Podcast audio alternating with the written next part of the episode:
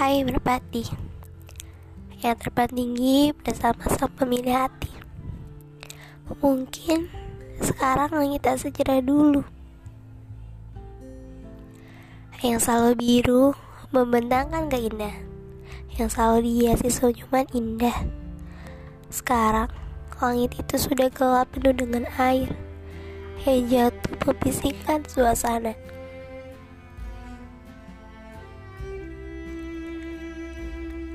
membuat seluruh semesta tergenang.